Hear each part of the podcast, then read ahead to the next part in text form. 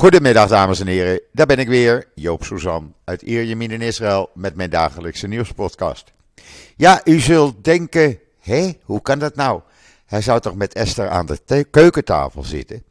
Ja, maar dat hebben we even uit moeten stellen tot komende zondagmiddag. En waarom? Vanwege een zeer trieste gebeurtenis bij Esther. Haar uh, allerliefste Saartje, haar uh, poesje, is overleden. Ze heeft hem gisteren moeten laten inslapen en is daardoor niet in staat om vandaag met Joop een podcast te maken. En wij hebben afgesproken dat we dat uh, zullen uitstellen en dat zondagmiddag doen. Dan krijgen jullie zondag uh, de podcast wel wat later, maar wel samen uh, met Esther aan de keukentafel. Dus het is niet anders, maar het is te triest. En ik kan me dat heel goed voorstellen dat je dat eerst moet verwerken voordat je weer je leven kan oppakken. Esther, ik weet dat je luistert. Heel, heel veel sterkte gewenst. En uh, zondag spreken we elkaar. En dan ga ik nu beginnen met het weer. Want ja, daar ben ik zo mee klaar hoor. Het is gevoelstemperatuur 37 graden, de echte temperatuur op 35 graden. En het blijft zo. Het zal volgende week nog warmer worden. Want vanaf midden volgende week gaan we naar temperaturen die boven de 40 graden uitkomen. En dat is normaal. Het, uh, het hoort in deze tijd, juli, eind juli, tweede helft juli, eerste helft augustus, kunnen dit soort uh, temperaturen voorkomen. En dan ga ik eerst even met jullie doornemen wat op Israël nieuws is gekomen de afgelopen 24 uur. Uh, ik heb een, een collage van video's en foto's neergeplaatst van wat de IDF in gedaan heeft en gevonden heeft. En ja, je wordt daar even stil van als je dat allemaal ziet. Want het is niet normaal. Het is echt ongelooflijk wat een hoeveelheid wapens en uh, uh, chemische apparatuur en explosieven. Het is niet normaal wat die jongens en meiden van de IDF hebben ontvang, ont, uh, gevonden. Ga maar even kijken op israelnieuws.nl. Waar je ook kan zien dat innovatie helpt, dat Israëlische caviar de wereld aan het veroveren is. Jawel, niet uit Rusland, maar uit Kibbutz Dan, gelegen aan de voet van de berg Hermon, die eh, 80 jaar geleden al begon met viskwekerijen en eh, nu dus gespecialiseerd is, eh, mede door eh, de, Russen, eh, de Russische Joden die eh, naar die kibbutz kwamen, om uitstekende caviar te maken. Van Os Ocetra Steur, die ook werd geïmporteerd uit Rusland. En dat is een van de top drie rassen voor de caviarproductie. Heel uitzonderlijk, maar Israëlische caviar, jawel, die wordt belangrijker dan de Russische caviar. Hoe leuk is dat? Ik heb het nog niet gegeten, maar ik wil het wel gaan proberen natuurlijk. En dan uh, hebben ze ook hier in Israël uitgevonden een apparaat. Uh, de Israëlische start-up IR-Med. Uh, wat echt een revolutie teweeg gaat brengen. Het heet Pressure Safe. En het is een apparaat wat pijnlijke doorlichtwonden voorkomt. Omdat het apparaat dat herkent voordat ze zich daadwerkelijk voordoen. Heel bijzonder. En ook dat apparaat is al een groot succes in Amerika. Gaat ook Europa veroveren. En ja, weer iets wat uit Israël vandaan komt. Laten we het zo maar zeggen. En dan gisteravond. Gisteravond door heel Israël grote demonstraties. En waarom? Omdat de politiechef van uh, Tel Aviv, die heeft zijn ontslag gisteravond aangekondigd in een persconferentie. Omdat hij weigerde, Ami, Ami Eshet, hij weigerde het beleid van Ben-Gvir uit te voeren. Ben-Gvir wil dat er hard op demonstranten wordt gemapt, dat er hard wordt opgetreden, dat ze en masse worden gearresteerd. Hij weigerde dat, want zegt hij: Ik wilde niet dat elke zaterdagavond honderden mensen eh, in de eerste hulp van de ziekenhuizen terechtkwamen. Dus ik deed een ander beleid. En uh, ja, dat werkte. Maar Benkwier is het daar niet mee eens. Dus uh, hij werd uh, gedegradeerd naar commandant van een trainingsfaciliteit. Nou, dat wilde hij niet. En hij zegt: Als ik geen politiechef meer van Tel Aviv kan zijn, dan stop ik ermee. Dan lever ik alles in en dan ga ik wat anders doen. Want ik ga niet tegen demonstranten hard inslaan. Zo kwamen de grote demonstraties in Jeruzalem, in Beersheba, in Haifa en andere locaties in Israël. Uh, in Beersheba werd een uh, belangrijk uh, snelwegkruispunt geblokkeerd. In Haifa ging men de straat op. In Jeruzalem ging men naar het Parisplein. Dat ligt in het hart van Jeruzalem, niet ver van Jaffa Street, waar Netanyahu woont. En uh, ja, in Jeruzalem werd het waterkanon ingezet, mensen het ziekenhuis ingeblazen. Er werd door politie gemapt op mensen. Als je de video's ziet die ik op Twitter heb gezet, je wil het niet weten. Het is niet normaal. En dan hadden we natuurlijk Tel Aviv, waarbij de Ayalon Highway werd uh, bezet. En dan zou je zeggen, ja oké, dan moet je niet die uh, snelweg opgaan. Maar mensen zijn radeloos aan het worden. En we zijn echt ten einde raad. En dan had je een automobilist die op volle vaart op die demonstranten op de Ayalon inreed. Hij werd gearresteerd. Dat wel.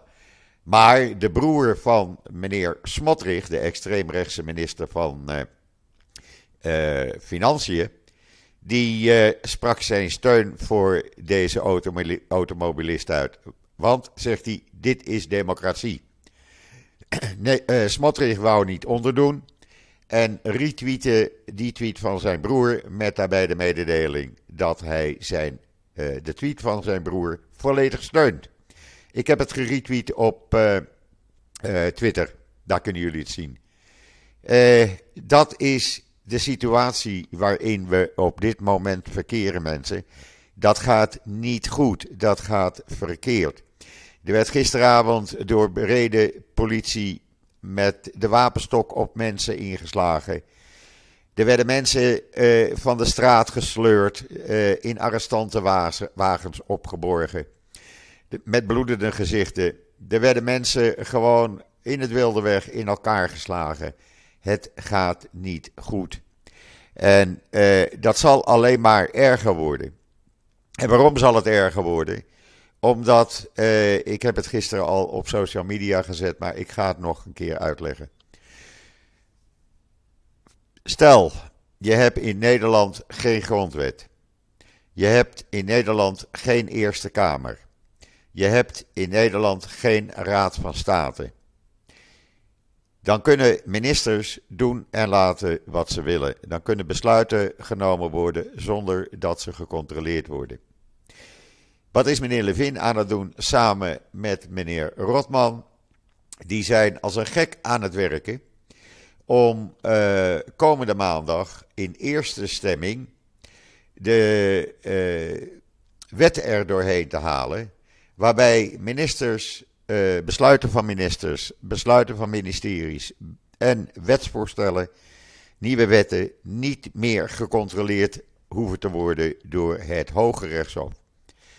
En dan zal je zeggen, ja, maar het Hoge Rechtshof, uh, daar wil men toch vanaf. Ja, maar dat lukt niet erg. Dus komt men met een nieuwe wet waarbij uh, dit wordt bepaald. Dat betekent dat er gewoon een besluit kan worden genomen zonder dat het juridisch getoetst wordt. Er kan een besluit genomen worden waarbij, bij wijze van spreken, ik geef het maar even als voorbeeld aan. Gewoon om het eenvoudig te houden. Waarbij je bijvoorbeeld geen podcast mag maken die negatief is voor de regering. Daar kan gewoon een, wet voor uh, aangenomen worden. En dan zou je zeggen, ja Joop, maar nou overdrijf je wel. Oh ja? Er bestaat een wet sinds 2008 waarbij eh, waarnemend, waarnemend burgemeesters, als die zich verkiesbaar willen stellen voor het burgemeesterschap, eh, een afkoelingsperiode moeten in acht nemen. Nou is er een uh, assistent, een naaste assistent van meneer Deri van de Sjaspartij, die graag burgemeester van Tiberias wil worden, maar daar waarnemend burgemeester is. Die kan dus dit jaar niet meedoen. Nou, wat heeft men gedaan? Men heeft een wet aangenomen waarbij uh, die uh, afkoelingsperiode niet meer geldt en de assistent van meneer Deri gewoon mee kan doen aan het burgemeesterschap. Voel je hem? Ik wel. Want zo ligt het gewoon. En dit zijn zaken die niet kunnen. Dit mag niet. Dit is geen democratie. Daarnaast heeft men gisteren uh, de orde, uh, nee, in eerste stemming gebracht. het voorstel om de orde van advocaten op te heffen. Meneer Amit Becher is met 72% van de stemmen een paar weken, twee weken geleden gekozen tot nieuwe voorzitter van de Orde van Advocaten. Meneer Amit Becher is tegenstander van de juridische hervormingen in zijn huidige vorm. Dat betekent dat ook de meeste advocaten tegenstander zijn. Men heeft dus een nieuwe wet gemaakt, die is gisteren in uh, voorlopige stemming gebracht. Waarbij de orde van advocaten wordt opgeheven en er een nieuwe orde van advocaten komt. Waarbij de voorzitter wordt meneer Levin, de minister van Justitie. Ja, waar is je democratie? Die bestaat dus gewoon niet meer. De advocaten hebben gedreigd dat zij, eh, als deze wet definitief wordt aangenomen, eh, het bijltje erbij neerleggen. Dat betekent dat het hele gerechtssysteem, uh, ja, dat valt in elkaar. Je kan het lezen in de Times of Israel, ik verzin het niet. Dit is de situatie waarin wij verkeren op dit moment. En als er mensen zijn van Joop, je overdrijft en doe eens even normaal. En je bent een linkse activist en je bent een extremist. En gisteren volgens een uh, uh, lid van de ultra-orthodoxe uh, United Torah partij ben ik ook een fascist. omdat ik met mijn vlaggetje sta op zaterdagavond. Uh, het zij zo, maar dit heeft niets meer met democratie te maken. Uh, nogmaals, ik gaf als voorbeeld de situatie in Nederland. Geen uh, Raad van State, geen Eerste Kamer. ja, waar, waar, geen grondwet. dat is de situatie. En ik kan het niet anders maken, helaas. En hoe ver dat al doorgeschoten is, bleek gisteren de waarnemend voorzitter van de Knesset, meneer Nissem Fatouri van de Likud-partij, die zat gisteren de Knesset voor. En die kreeg van de juridisch adviseur van de Knesset uh, het verzoek om wat meer onpartijdiger te zijn. Hij was namelijk niet onpartijdig. En dat hoor je als voorzitter wel te zijn. En toen zei hij. Uh, tegen die advocaat. Ik trek me niks van jou aan. Ik uh, doe wat ik wil. En ik handel de zaken zoals ik wil. En jij moet maar even uit de Knesset weggaan. Want ik wil je hier niet meer zien. Ik wil geen kritiek op mijn uh, beleid. Ja, dat kan natuurlijk niet. Ook dit verzin ik niet, mensen. Het staat in de Times of Israel. Dan kreeg je natuurlijk een hele rel Waarbij uh, de oppositie uh, zich er natuurlijk fors in mengde. Nou, dat beviel meneer Fatouri ook niet. Die liet bijvoorbeeld uh, het Arabische parlementslid Ayman Ode uit de Knesset verwijderen. Hij liet een paar die, ja, die mocht geen kritiek hebben. hij liet ook een aantal oppositieleden verwijderen die kritiek op hem hadden.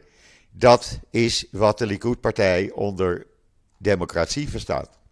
Nou, sorry, ik versta het er niet onder.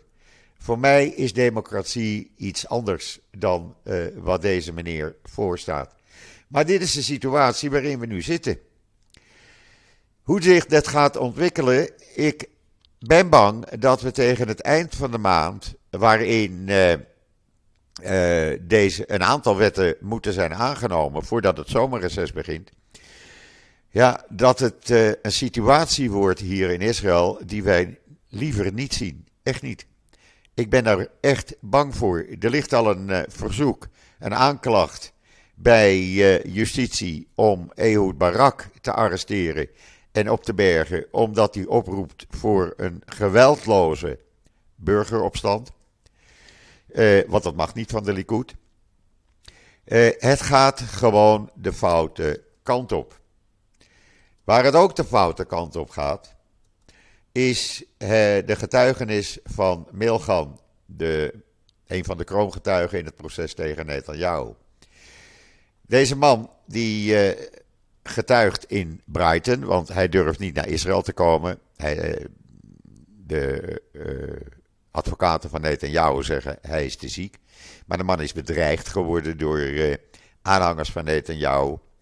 Uh, dus deze getuigenis vindt via Zoom in uh, Brighton plaats. Daar zit ook Sarah Netanyahu elke dag in die zaal. Die probeert hem te intimideren. Hij heeft de aanklagers en de rechters gevraagd om Sarah uit die zaal te halen. Dat is nog niet gebeurd en hij blijkt zijn getuigenis aan te passen. Hij geeft een andere getuigenis als dat hij tegenover de aanklagers en de politie heeft gedaan. De rechters hebben, nu bepaald dat dat onderzocht moet gaan worden, eh, omdat hij zich wel moet houden aan de originele eh, getuigenis wat hij gedaan heeft. Nu hij dat niet doet, komt hij dus in een situatie waarbij hij zelfs uh, gearresteerd zou kunnen worden. Dat gaat dus helemaal fout. Uh, dan hadden we gisteren het, uh, het verhaal van Naftali Bennett. Ik heb dat op alle social media gezet. Die geïnterviewd werd door een presentatrice van de BBC. Die begon met de opmerking dat de IDF nogal blij is om kinderen te vermoorden. Netanyahu, of eh, Bennett heeft dat toen heel duidelijk uitgelegd en gezegd van luister, dit zijn geen kinderen, dit zijn terroristen met zware wapens. En hoe zou jij het vinden als jouw familie wordt uitgemoord door een paar van die, zo, wat jij noemt, kinderen? Daar ging ze niet op in. Ze bleef maar doorzeuren over de IDF die uh, erg blij is kinderen te vermoorden. Dat werd een hele rel. Uh, dat kwam natuurlijk wereldwijd op social media. De BBC heeft inmiddels uh, excuses aangeboden, publiekelijk. En deze dame op het matje geroepen. Hopelijk raakt ze haar baan kwijt, want dit kan gewoon niet. Ja, en dan hadden we gisteren ook het Israëlisch voetbalelftal onder de 21. En zoals eigenlijk verwacht werd, verloren ze in de halve finale met 3-0 van Engeland helaas.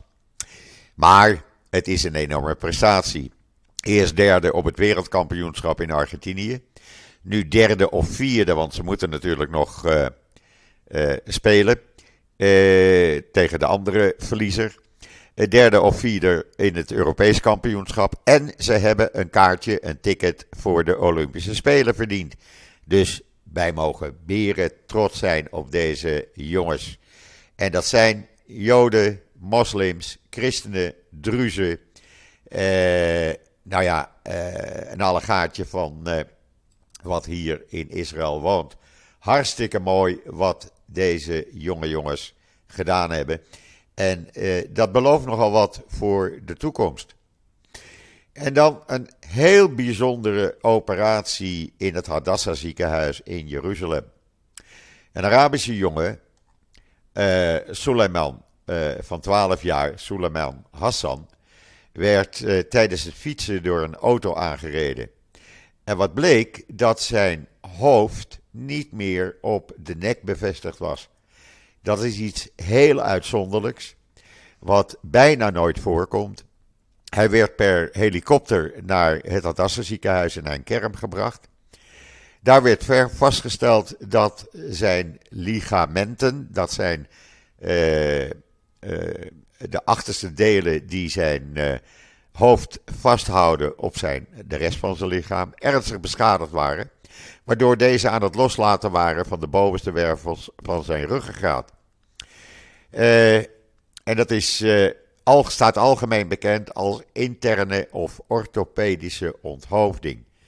In een bijzondere operatie heeft uh, onder leiding van dokter Ohad Einaf, een orthopedisch specialist, samen met dokter Zip Assa en een heel groot intensive care operatieteam, heeft men begin juni een operatie uitgevoerd van enkele uren, waarbij dit weer werd hersteld.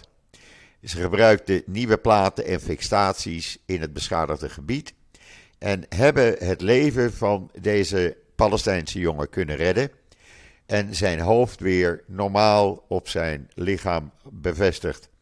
Dit is heel bijzonder. Uh, deze uh, verwonding was nooit eerder in Israël voorgekomen. En dokter Einaf, die keerde een jaar geleden terug na een fellowship in een traumacentrum in Toronto.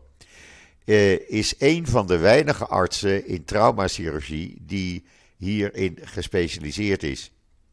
Hassan, Suleiman Hassan, is onlangs ontslagen uit het ziekenhuis.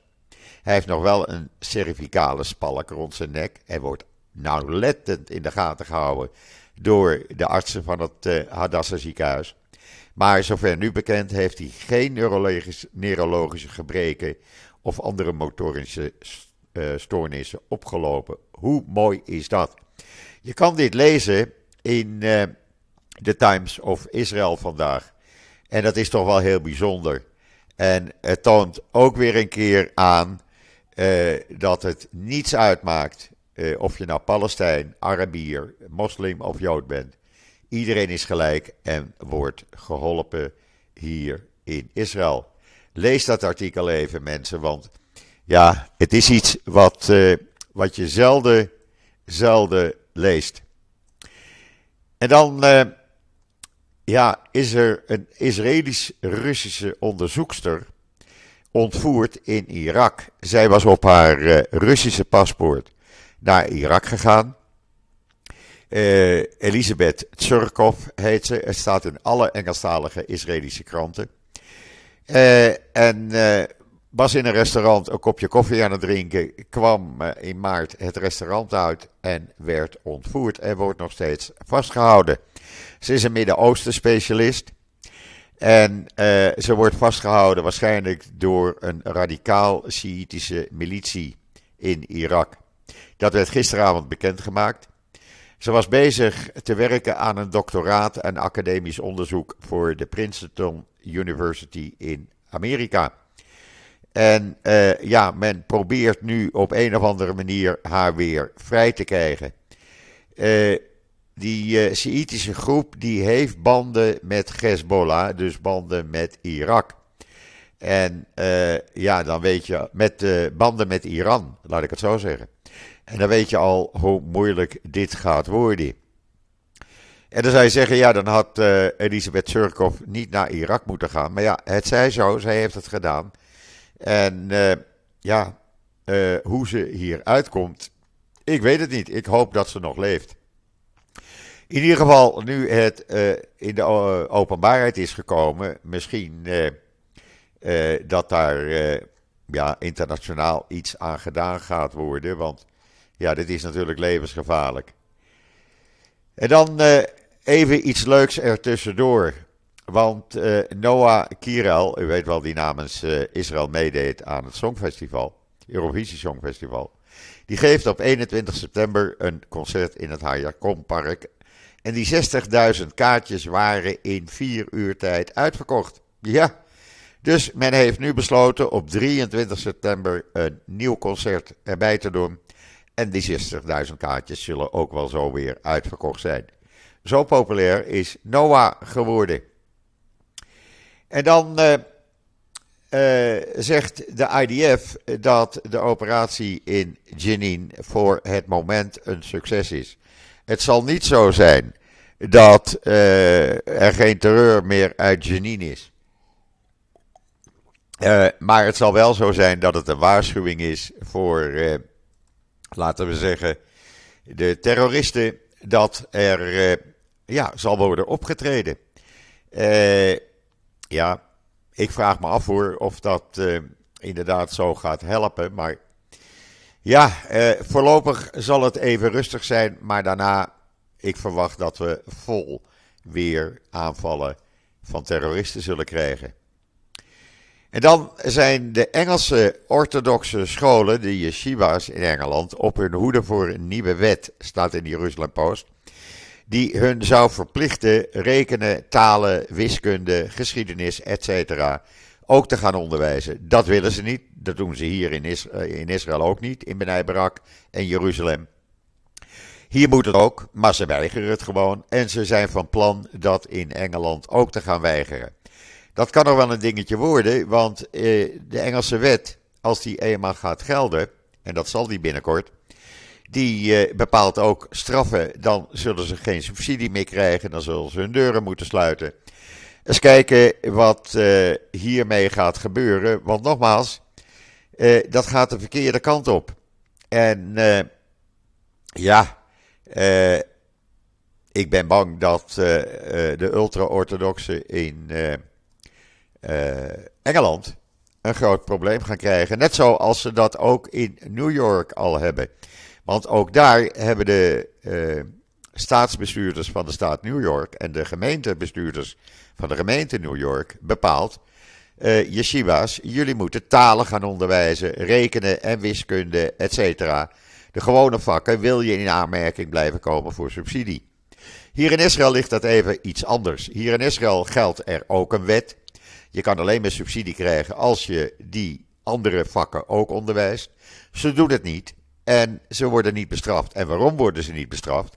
Omdat de ultra-orthodoxe partijen op dit moment deel uitmaken van de regering en die houden dat gewoon tegen. Dus zeggen die yeshivas uh, hier, wij doen lekker waar we zin in hebben. Dus zeggen de yeshivas in Londen en New York, wij doen lekker waar we zin in hebben. Maar dat zal in New York en Londen niet gaan werken. Uh, ik hou het in de gaten voor jullie. Ik ben bang uh, dat dat de verkeerde kant op gaat. En dan zijn Israëli's uh, het wachten moe op een visum voor Amerika. Ze moeten vaak maanden wachten. En Israël, Israëli's hebben nog steeds een visum nodig, willen ze Amerika bezoeken. Nou was daar het plan dat Israël, Israëli's geen visum meer zouden nodig hebben. Uh, daar was, uh, zijn gesprekken over uh, met de regering. Dat was al bij de vorige regering, Lapid en Bennett. Maar dat is even stopgezet vanwege de houding van Netanyahu richting Biden. Dat zijn van die politieke consequenties door het beleid van Netanyahu. Waarbij de rest van de bevolking dus gewoon een groot probleem heeft nu. En nog steeds weken, maanden moet wachten voordat ze een visum krijgen om Amerika te bezoeken. Nou, dan ben je al Amerika, eh, dan is je vakantie al voorbij, laten we zo maar zeggen. En dan zijn er berichten dat er vanmorgen een raket uh, vanuit Zuid-Libanon richting Israël zou zijn afgevuurd. Vooralsnog zegt de IDF, wij weten van niks. Uh, maar mensen die uh, aan de grens wonen, die zeggen jawel, er is wel degelijk een raket afgevuurd. Dan zegt de IDF, misschien is het wel een mijn geweest die ontploft is. In ieder geval, het wordt onderzocht. onderzocht. De zaak is niet kosher. En zo hebben we never a dull moment hier in Israël. Als je uh, dit soort berichten dus gewoon leest. Want ja, uh, waar gaat dat allemaal uh, naartoe, zouden we zeggen. Uh, wat hebben we nog meer voor nieuws? Nou, we hebben natuurlijk nog een heleboel nieuws.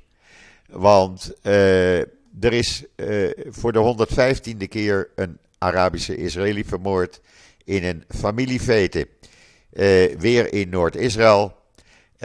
meneer Kalan, Kalansoua Amit, die is nummer 115 die vermoord is.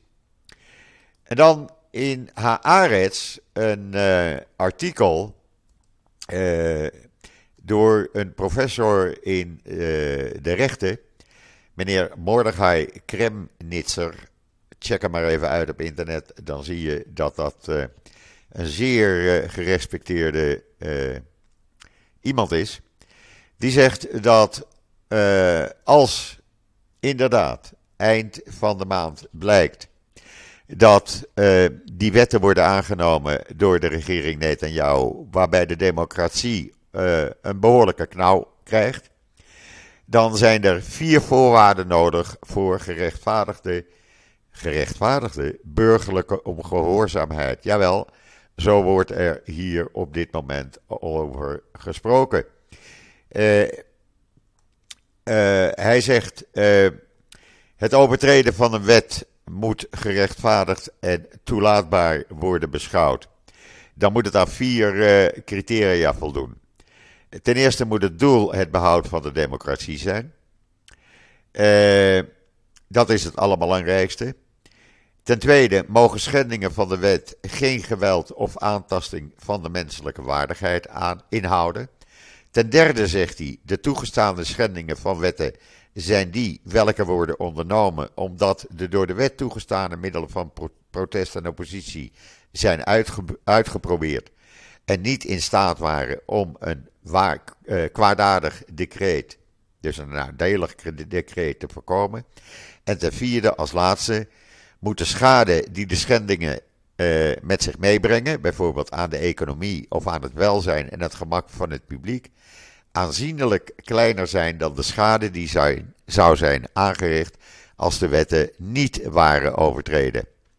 Onder die voorwaarden mag er burgerlijke ongehoorzaamheid in Israël plaatsvinden.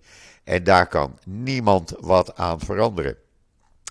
En nogmaals, ik heb hem even uitgecheckt. Uh, deze professor uh, uh, Mordechai uh, Kremnitzer. En ja, hij is hoogleraar in de rechtswetenschappen, dus niet zomaar iemand. Heeft ook in Amerika gestudeerd en weet waar hij het over, hebt, over heeft. ja, zo wordt er in Israël op dit moment gesproken. En ik, ik hou het in de gaten voor jullie, want ik begrijp dat eh, vele van mijn volgers en luisteraars zijn geïnteresseerd van welke kant het hierop gaat. Ik krijg al te horen van ja Joop, maar in Nederland hebben we dat ook. Rutte en Co. doet precies waar hij zin in, heb, in heeft. Ja, maar in Nederland hebben jullie nog, nog de Eerste Kamer die het tegen kan gaan. En waar nu de BBB-partij de meerderheid heeft. En jullie hebben nog een grondwet. En jullie hebben nog een Raad van State die werkt. Dat hebben wij hier dan niet meer. Hou dat even in de gaten. En even over Nederland gesproken. Ik zag gisteren al die berichten langskomen over die storm. Die zomerstorm die dan gisteren over Nederland heeft gewaaid. Ja, ik vind het een beetje overdreven. En waarom? Nou, luister, in de 60er en 70er jaren uh, toen woonde ik in uh, Heemskerk. Uh, in de zestiger jaren nog in Beverwijk. Later in Heemskerk, vlak aan de kust. En ja, hoeveel stormen, windkracht 11, windkracht 12 we hebben meegemaakt. Ik weet, ik kan ze niet tellen. Ik weet nog dat ik ergens in 72 naar de trein liep. Toen werkte ik bij Gerson in Amsterdam. als jongste bediende in de Kalverstraat. En nam ik morgens de trein vanuit Heemskerk naar Amsterdam. En ik liep richting station in Heemskerk. En daar kwam vlak voor me een hele uh, zijgevel van een flatgebouw naar beneden door de storm. ja, bomen vielen toen ook om. dat gebeurt gewoon, dat weet je. Ik ben vaak in die tijd ook naar de kust gegaan. Lekker op de pier van de Muiden met mijn vrienden staan kijken naar, die, naar dat water wat over die pieren kwam. Of je ging naar het strand. En ja, het gebeurt nu eenmaal. En het heeft niets met klimaatverandering te maken, zoals meneer Timmermans beweert. Want uh, ja, het was altijd zo. ik vind het persoonlijk niet uitzonderlijk. Goed, ik heb zoveel mogelijk het nieuws, het belangrijkste nieuws van de afgelopen 24 uur met jullie hier doorgenomen. Zondag kom ik dus terug met Esther. Ik hoop dat ze dan over haar ergste verdriet heen is. Ik hou vandaag en morgen natuurlijk nauwlettend in de gaten wat hier gebeurt. Want er gaat nog heel veel gebeuren, mensen. Ik zal zoveel mogelijk op alle sociale, social media zetten. Ik zal zoveel mogelijk uh, jullie op de hoogte blijven houden. Ik vind dat als mijn taak en ik voel dat als mijn plicht. Intussen wens ik iedereen alvast een, een Shabbat Shalom en een mooi weekend toe. vanuit een heet Israël. Zaterdagmorgen loopt Joop om 6 uur, kwart over 6, met Mickey de hond lekker over het strand. Dan is het nog te doen. Vanmorgen was het hier 26 graden toen ik om 6 uur naar buiten ging. Uh, de airco staat uh, op 25 graden aan. Dat is uh, prima te doen. Ik wens jullie nogmaals Shabbat Shalom en een mooi weekend toe. Hou social media in de gaten. Ik publiceer zoveel mogelijk. En doe voorzichtig. En dan zeg ik, zoals altijd, tot ziens. Tot zondag.